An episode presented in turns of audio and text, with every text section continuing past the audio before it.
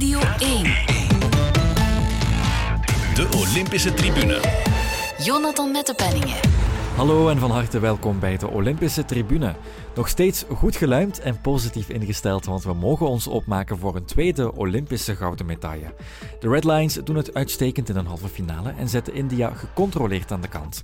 En we hebben het ook eens over het Olympisch voetbaltoernooi bij de mannen. Een vreemd scharminkel. Daarvoor komt commentator Tim Wieland straks langs. Maar laten we eerst nog eens genieten van die sterke partij van de Lions. Come on. Eerste Castle, Hendricks, daar komt hij. Ja, daar is een hij raket. sleept hem meteen binnen. 2-2. Come on. Hij brengt ons weer in de match. Kijken of ze daar iets aan kunnen doen. Daar stapjes opzij bij Hendricks en hij gaat het weer. Ja. ja, ja, ja. Ja, ja. 2 op 5 voor Hendricks. En we staan voor. Ja, wat een ploeg, wat een focus. En Ah, daar, en daar is de 5-2. kijk eens, John John Domen zijn derde goal van het toernooi. Met nog 6 seconden op de klok. dat hebben we niet Is helemaal binnen. India heeft het ons een tijd lang moeilijk gemaakt. Vooral in die eerste helft. En dan toch weer hetzelfde verhaal. De Red Lions winnen van India met 2-5 en staan in de finale. Een uiterst volwassen wedstrijd van onze hockeymannen en opnieuw een glansprestatie van de man van het toernooi, Alexander Hendricks. Ik ben er zeker van dat onze hockeycommentator hem ook zo wil noemen. Dag, Eddie de Mares. Ja, ja, ja. De, hoe noemde Loïc Luipaert hem ook alweer? De eindbaas, De eindbaas, ja. De endbaas. Allee, zo op zijn Antwerps. Eh, Ja, als je is 14 het, hè? keer scoort, dan... eh, ja, ik, ik ben er niet 100% zeker van, maar ik denk niet dat het ooit al gebeurd is op de Spelen dat één speler 14 doelpunten maakt. Ter vergelijking op het WK 2018, waar er weliswaar maar zeven wedstrijden waren, was de topschutter, eh, had, er, had er zeven gemaakt. zeven. Dus dit is al het dubbel. Eh, Onwaarschijnlijk.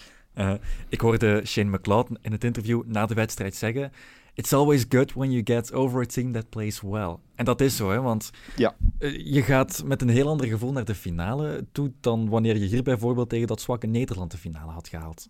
Het is helemaal ja, anders. Ja, dat zwakke Nederland, die hebben wel in de kwartfinales tegen Australië Ja. hun beste wedstrijd van het toernooi gespeeld. En de Australiërs op 2-2 gehouden, shootout. En daar ging het dan helemaal fout voor Nederland. Speelde die videoreferral bij de eerste shootout al kwijt. Hè. Contrast met het EK, waar ze twee keer wonnen op shootout, in halve finale en in finale. Die shootout, dat blijft toch een, een dubbeltje op zijn kant, een loterij. Een beetje vergelijkbaar met de strafschoppen in het voetbal. Ehm, er komt uiteraard techniek bij kijken, maar je moet ook een beetje meeval hebben enzovoort. Een keeper die een geweldige dag heeft, kan ook eh, bepalend zijn. Maar ja, Nederland, inderdaad, verdedigend te zwak, maar wel op het juiste moment hun beste wedstrijd gespeeld. En dan, ze hadden Australië ook kunnen uitschakelen in de Ja. kwartfinales. Misschien was het wel beter geweest voor ons, maar goed, dit is de, de mooist denkbare weg. Hè. Ja. De volledige wereldtop eh, tegenkomen, Voilà. en kloppen op weg naar het goud. Australië, dat moet dan nog gebeuren overmorgen. Maar eh, Duitsland geklopt, Nederland geklopt, Groot-Brittannië geklopt, India, niet vergeten, die staan nu derde op de ranking. En wij staan onze na vandaag weer even op de eerste plaats, maar wellicht zal Australië ofwel net eronder of net erboven komen na die match daar, tegen. Duitsland. Ja, en na de finale gaan we weten wie nu de echte nummer 1 is. Hè? Ja, ik denk dat we vandaag onze moeilijkste wedstrijd hebben gespeeld, niet? Je, je zou Groot-Brittannië Ja, ergens ja. kunnen vergelijken, denk ik dan, maar eh, daar zat de mindset ook voor een stuk Met wie zeg je? Met Groot-Brittannië? Ja, Groot-Brittannië is, is, is geen waardemeter. Dat was de laatste groepswedstrijd. De Lions waren zeker van de eerste plaats. Je voelde ook, als ze achterkwamen, gingen ze even wat het tempo verhogen en kwamen ze meteen terug. Uh-huh. Dus dat was een wedstrijd, dat was een halve oefenwedstrijd. Hè. Je zag op het einde ook, die laatste zes, zeven minuten, iedereen tevreden, balletje rondspelen. Dat was eigenlijk geen echte wedstrijd voor de Lions. Dus die moet je eigenlijk buiten beschouwing laten. Die wedstrijden tegen Canada en, eh, en Zuid-Afrika moet je eigenlijk ook buiten beschouwing laten. Maar tegen Nederland en tegen Duitsland stonden ze er in de belangrijke matchen. Meteen al die eerste tegen Nederland. Misschien was het wel goed dat je met zo'n wedstrijd aan het toernooi moest beginnen. Waardoor je meteen je niveau moet halen om een resultaat neer te zetten. En dat hebben ze vastgehouden. En ze zijn eigenlijk ook gegroeid in het toernooi. Beter en beter gaan spelen. Tegen Spanje was er wat nervositeit in die kwartfinale. Dat was duidelijk te zien in de Ja, eerste ja. helft. Omdat daar heel veel druk op zat. Want als ze die verliezen, dan hebben ze gewoon geen medaille. Die druk is nu weg.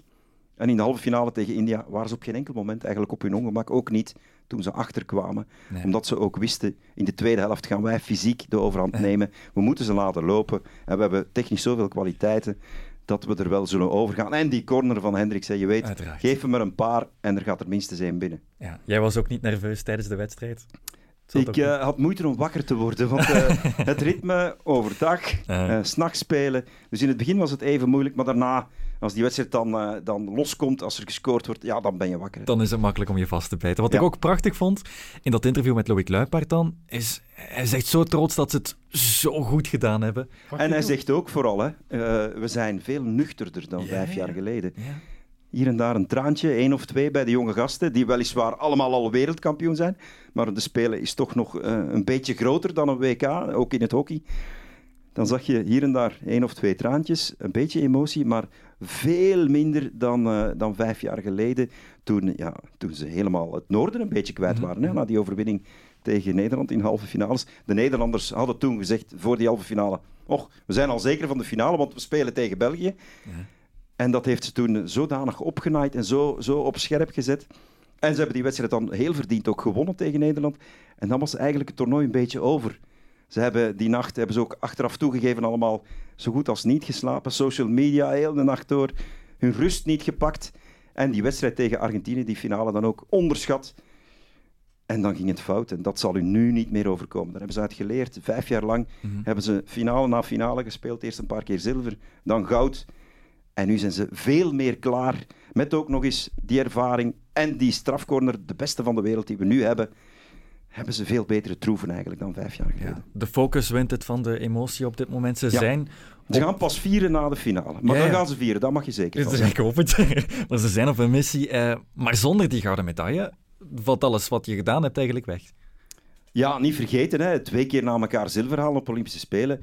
Dat is ook wat, hè. Maar, Dat is ook wat, maar voor die. Lions telt nu alleen nog finales halen en goud halen. Alles wat min, zelfs zilver, is voor de Lions een enorme ontgoocheling. Dat geeft aan hoe goed ze zijn en welke status ze ondertussen ook hebben. Ja. Het is een overwinning van de ervaring. Dat werd ook gevraagd aan de spelers. Van de Ja. ervaringen van de corner, hè. Ja, en over de man die er nu toch al een paar keer gepasseerd is. De Ja, ik bedoel dan man... ook de defensieve corner, hè. Want Van Asch, Ja, ja. absolute topkeeper. Zeker, zeker, zeker. Van Opel, eh, misschien wel de beste lijnstop van de wereld. Wenier, die mag je laten uitlopen op alles wat komt. Die heeft nergens schrik van. Dus ook verdedigend is die corner wereldtop. Ja, maar ik ging het over de aanvallende corner Ja, hebben, maar op een andere manier. Want onze tweede man daar, Tom Boon, Tom die ging Boon. terugkomen, Ja. die zat opnieuw in het stadion. Ja, die heeft eh, de voorbije drie wedstrijden gespeeld, ook gescoord. Een belangrijke goal gemaakt, ook tegen Spanje in de kwartfinales. Dat was een avondwedstrijd. Maar zijn, eh, zijn statistieken, zijn cijfers zijn geanalyseerd. Want ze dragen voortdurend ook eh, van die trackers. eh, als ze trainen, als ze spelen. En daaruit bleek dus dat hij fysiek niet op zijn top zat. Dat, dat zijn recuperatievermogen ook niet top was.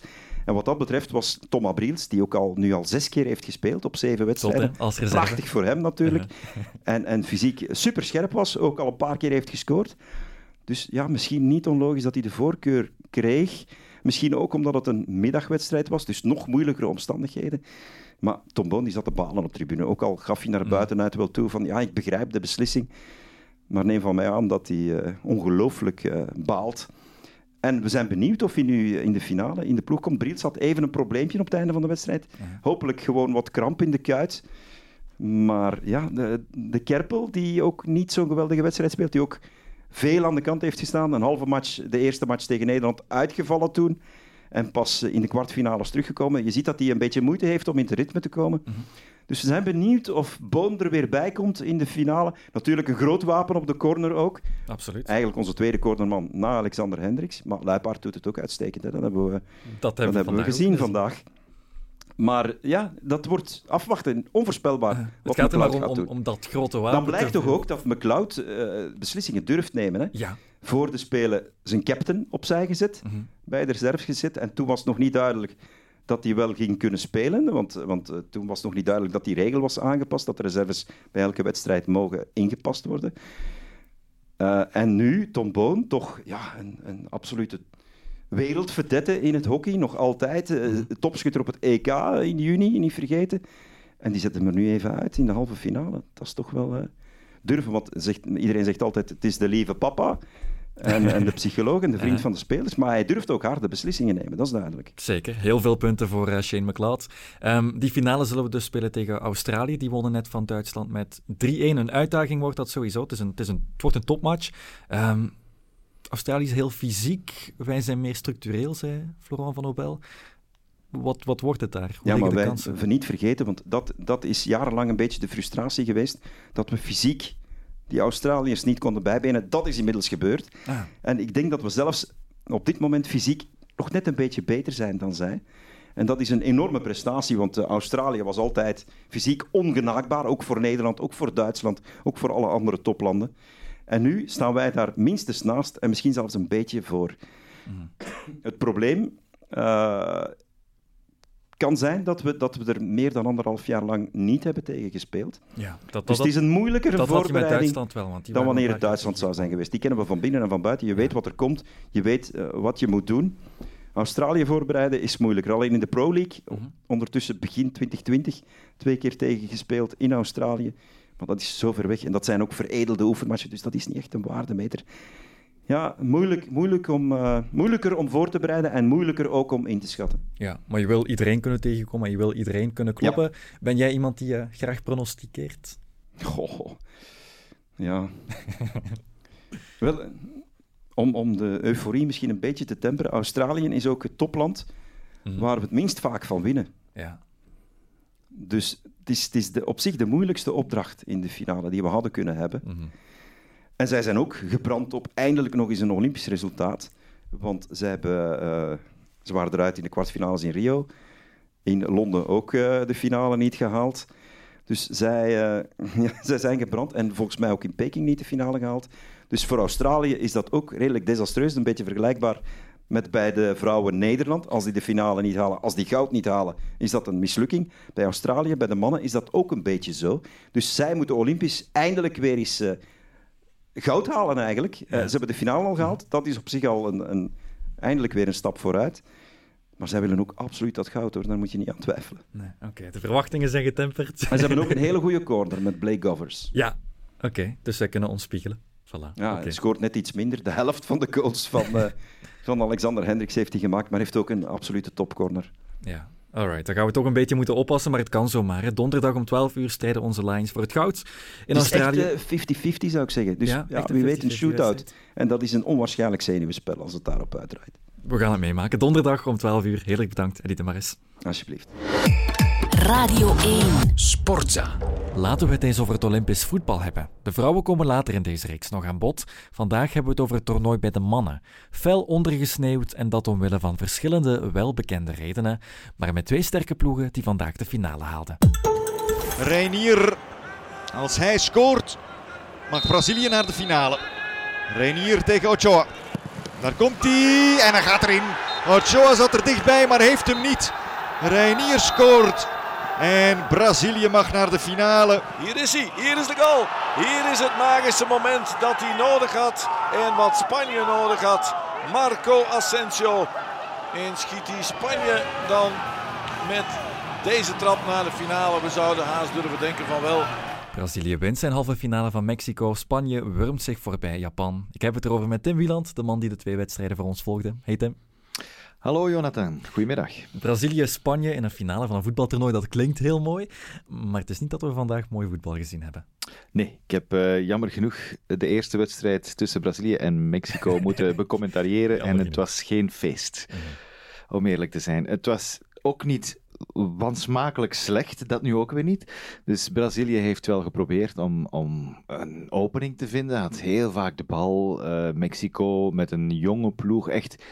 Zelfs de ervaren spelers die in die ploeg zijn opgenomen, zijn ook niet echt ervaren, tenzij dan de doelman, Ochoa. En die heeft eh, ja, zijn werk gedaan, die heeft alles tegengehouden in de 90 minuten, zelfs in de 120 minuten, eh, wat hij maar kon. En zelfs nog bijna een strafschop gestopt. Hij was bij eentje was hij er heel dichtbij. Maar eh, uiteindelijk, die ploeg zelf, ja, daar zit... Daar zit niet al te veel in. Dat is jeugdig enthousiasme. Nu zijn we dat wel gewoon van de Mexicanen. Eh, altijd vaak goede jeugdploegen. Altijd vaak eh, die ver komen op een toernooi ook. Eh, maar het was iets te weinig om toch Brazilië in de problemen te brengen. Maar je kijkt dan vooral naar Brazilië en ziet een uitgebalanceerde ploeg op zijn minst, met toch redelijk wat talent. Maar het feit dat Richarlison zich na dit toernooi tot speler van het toernooi zou kunnen kronen, zegt misschien ook wel wat. Ja en nee. Ik vind eh, ten eerste, je, je krijgt dus drie mogelijkheden om je ploeg aan te vullen met, Mhm. met, met wat ervaring. Ik zal het zo zeggen. Eh, bij Brazilië hebben ze gekozen voor een, eh, een soort as. Ja. Dus een, een ja, sterkte achterin. Een doelman, een centrale verdediger en een, ja, een icoon van het Braziliaanse voetbal met Dani Alves. Dus eh, dat zijn hun drie steunpilaren waarbij eh, ze zeggen van kijk, nu kunnen we vooraan het jeugdig talent hun, hun gang laten gaan. Eh, er zijn andere ploegen die, die andere keuzes maken, die ook een, een spits kiezen om, van boven 23 jaar om, om mee te doen. Maar Brazilië heeft niet vergeten, eh, vijf jaar geleden nu, in Rio de Janeiro, toen ze ook Olympisch kampioen werden. Ook toen ze Olympisch kampioen worden, ik mag niet Ja. vooruitlopen op de feiten. Eh, toen ze Olympisch kampioen werden, eh, hebben ze denk ik vijf wedstrijden op rij geen doelpunt geslikt. Dus de verdediging was daar ook het allerbelangrijkste. Ehm, ook toen hebben ze een, een aantal ervaren pionnen er in die ploeg gezet. De nul houden en dan zien we wel. Dat is geen samba, dat is niet sexy, dat is, dat is oerdegelijk. En dan zitten er een aantal jongens van voor die, die het verschil moeten maken. Anthony dan op de flank van Ajax, heel goede speler. Aan de andere kant eh, heb je eh, of Paulinho, die speelde daar nu vandaag van Leverkusen. Dat is ook geen slechte speler. Eh, ik... eh, Claudinho speelde van. Bragantino. Mhm. Een hele goede speler. Ik, die zie ik echt heel snel naar Europa komen. Ja. Die, die vind ik echt heel goed. Hij heeft al een linkje, hè? Met Ja. Red Bull. Ja, ja, uiteraard. Het is Red Bull Bragantino zijn ploeg, dus eh, jammer genoeg zullen we die eerst bij Salzburg, dan bij, eh, bij Leipzig zien en dan kunnen, kan de rest eens eh, navragen. Maar in ieder geval, en dan de Richarlison van Everton, die, die daar ook nog ja, in de spits moet lopen. Dus die mogen hun ding doen. En Richarlison is geen slechte speler. Hè. Die is een echte harde werker. Eh, die kan ook wel wat. Eh, het is heel moeilijk om op te verdedigen, denk ik. Ja. Eh, en af en toe een ettertje dat geen naam heeft, zich laten vallen. Doen alsof dat, een, dat hij half dood is. dat die, die, die, die naam had hij ook al wel een beetje in de Premier League, hoor. Pas op. Maar het is een van de twee ploegen. Brazilië is de ene ploeg en Spanje is de andere ploeg. Die, lijkt, die lijken alle twee echt volop te gaan voor die, voor die Olympische titel. En al, alle andere ploegen lijken zoiets te hebben. Ja, we hebben jonge, Ja, heb jonge wel, kerels en, en we gaan proberen. Uh-huh. Maar Spanje, sorry, maar daar zitten zes spelers bij die het TK hebben gespeeld. Hè? Dat is wat je kon verwachten aan het begin van dit TK. Schrijf je die twee ploegen op. Ook als je kijkt naar die kernen. Het zijn kernen die ergens zouden kunnen meedoen. Op het TK bijvoorbeeld. Misschien net iets te zwak daarvoor. Maar dan nog zou je verwachten dat ze toch zeker, als je kijkt naar vandaag, een beetje mooier voetbal zouden kunnen spelen. Niet allebei zouden moeten trekken tot verlengingen tegen Mexico en Japan. Ja, ik moet eerlijk zijn, Japan doet het altijd op dezelfde manier. Dat is enthousiasme, dat is, dat is vechtkracht. En, en je moet daar dezelfde wapens tegenover stellen. Ja. Want wij hebben daar ook met onze nationale ploeg, de A-ploeg dan, ook al genoeg problemen mee gehad met Dat Japan. waar. Eh, niet alleen op dat WK, door te scoren in de laatste minuut. We hebben daar nogal tegen gespeeld. En toen hadden we ook problemen tegen Japan. Eh, het is een bepaalde stijl, een speelstijl die Japan heeft. En we on- iedereen onderschat dat blijkbaar altijd. Dat is ja, je moet er voorbij geraken. Je moet, en soms twee keer en soms drie keer. Je moet ze echt afmaken. Eh, nu, Spanje heeft dus de tanden erop stuk geweten tot minuut, was het, 116 of zoiets in daar, de doelpunt van eh, Asensio. Eh, maar andere ploegen hebben dat ook al gedaan. En in dit toernooi, ze spelen thuis. Het is heel jammer dat ze geen publiek hebben. Want als ze dan eens Olympisch willen knallen en het is voor eigen publiek, ja, dan word je gesteund. eh, dan, misschien dat ze dan die late goal niet slikken, omdat ze worden gedragen door het publiek, door het thuispubliek. Nu zit het leeg. Het is, het is zeer jammer, want het, het is tenslotte buiten. Het, het zou kunnen. Ik heb, denk ik, in het begin van de Olympische Spelen wel een volle tribune gezien, ergens. Ah, ik weet niet, ja, in het begin. In het voetbal dan ook? In het voetbal Ah. zag ik eh, blijkbaar toch een halfvolle tribune. Nu kan het zijn dat dat alleen genodigden, genodigden zijn, en dat, dat, dat weet ik niet, maar ik heb er wel gezien.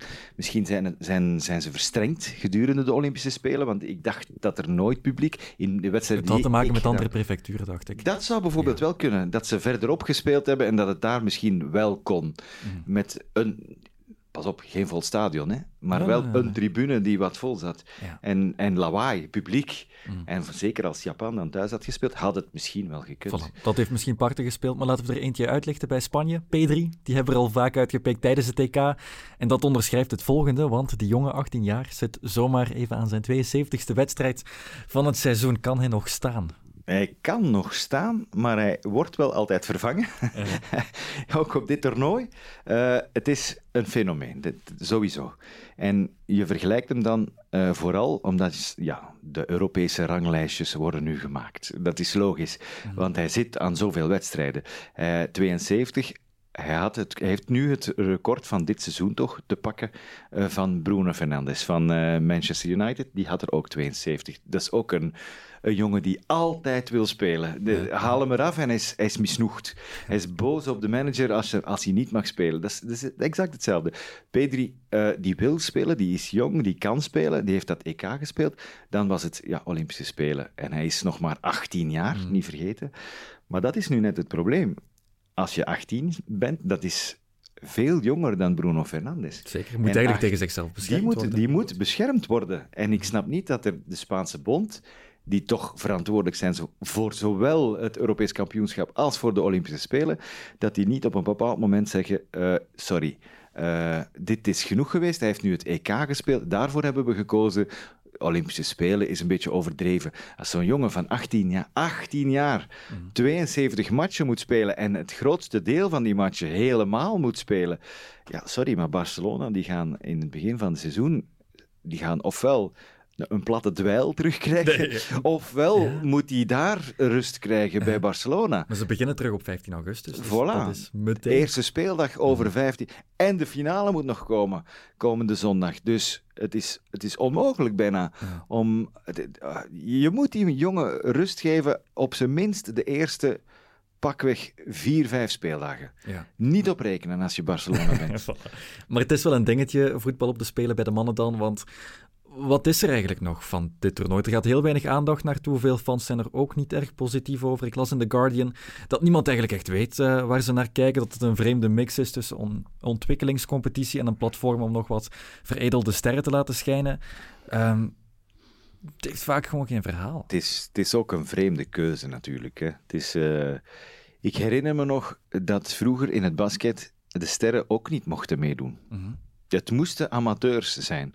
Dus al die sterren van de NBA uh, mochten niet meedoen. Nu, dat toernooi, dat was plezant hoor, daar niet van. Uh, en zeker, uh, ik ben al ietsje ouder als jij, maar als de Sovjet-Unie nog speelde tegen de Amerikanen, ja, dat was geweldig. Hè? En in uh, Olympische Spelen, als ik me niet vergis, München, wonnen dan de Sovjets eindelijk van de Amerikanen in het basket. Ja, het kot was te klein.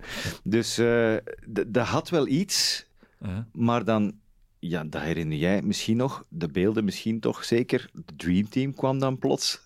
Uh, want de grote sterren mochten dan plots wel meedoen met de Olympische Spelen. Dus alle sterren van de NBA werden plots uitgenodigd voor de Olympische Spelen. En natuurlijk zijn die geïnteresseerd. Als dat goed valt voor hun kalender, is uiteraard.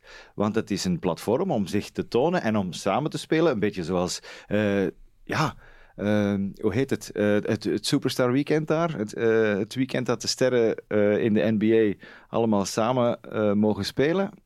Dus mm dan, komen ze, dan komen die bij elkaar. Eastern Conference tegen de Western Conference. Dan mogen die eindelijk eens ja, in een goede ploeg met alle sterren samenspelen. Dat deden ze ook voor de Olympische Spelen. Nu vraag ik mij af, waarom zeg je dan ook niet... Het Olympisch toernooi is belangrijk...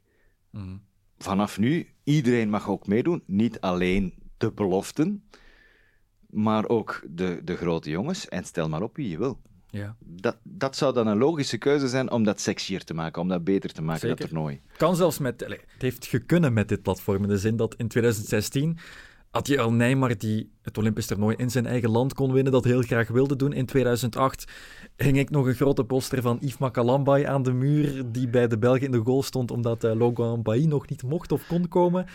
Dat heb je nu allemaal niet, hè? Minder. Wat je wel hebt, is dat Brazilië een tweede editie op rij wel het goud zou kunnen winnen. En dat is wel iets, misschien. Ze hadden hem nog niet gewonnen. Hè? De vorige keer was de eerste. Hè? Mm. In Rio was de allereerste. Je zou zeggen, dat is toch een, een fantastisch, geweldig, enorm land. Maar nee, uh-huh. Brazilië had hem nog niet gewonnen. Argentinië heeft hem twee keer gewonnen. Hebben ook lang moeten wachten. Hebben, hebben hem gewonnen in 2004. Met een, uh, ja, denk ik, 2004 in Athene. Met Tevez, die toen ja, fenomenaal was. En 2008 met, ja, dat is de alle sterren, Messi, eh, Di Maria, eh Riquelme, enzovoort, enzovoort. Eh, dus ze hebben hem ook nog niet zo heel vaak gewonnen. Eh, Olympische toernooien zijn, zijn spe- speciaal, net daarom. Eh, Mexico heeft hem bijvoorbeeld gewonnen in Londen in 2012. Dus er is, er is wel iets speciaals. En Neymar heeft nu een persoonlijke missie gemaakt van, van 2016, maar dat, dat had ook een voorgeschiedenis, hè? Ze hebben daar een trauma mee gemaakt in 2014. Uiteraard. Door, door, ze zijn in de grond gestoken en nog eens opgetrapt door de Duitsers eh, in de halve finale. En, en sorry, maar ze hadden niet goed te maken aan het publiek.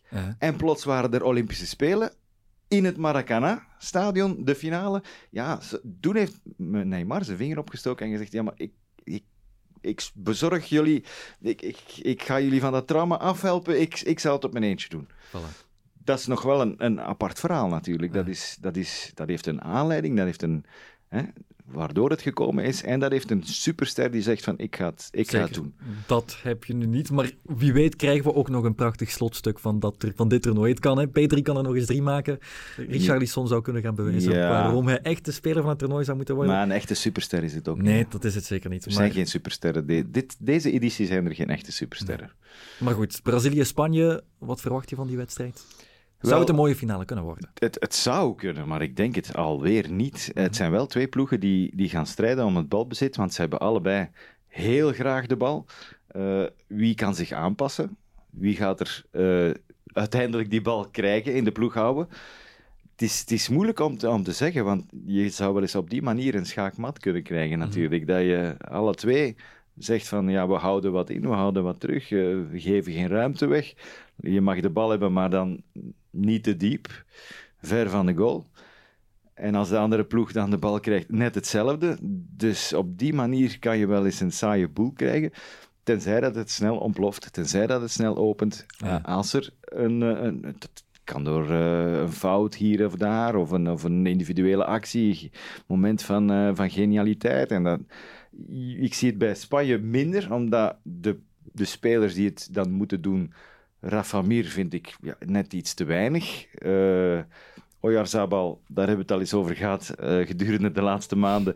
Het is, het is een, een jongen die wel wat kan, maar ik vind hem veel te veel kansen missen. Dus Mhm. Dan kijken we alweer naar Pedri voor de, voor de geniale opening. En wie moet het dan afmaken? Ja, ik weet het niet. Misschien dat, ah, misschien dat is Asensio misschien terug in de basis start. En bij, en bij Brazilië natuurlijk heb je altijd Anthony die het zou kunnen doen van op de flank. Maar wil altijd naar binnen komen en met links trappen. Eh, komt zelden langs de buitenkant.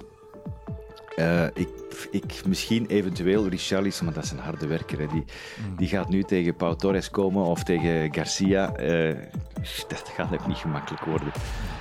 Maar laten we hopen dat het dan snel ontploft. Misschien met de klasseflits van Anthony of eentje van Petri. Of misschien toch eentje van Oyarza- Oyarzabal. We hopen Eh, erop.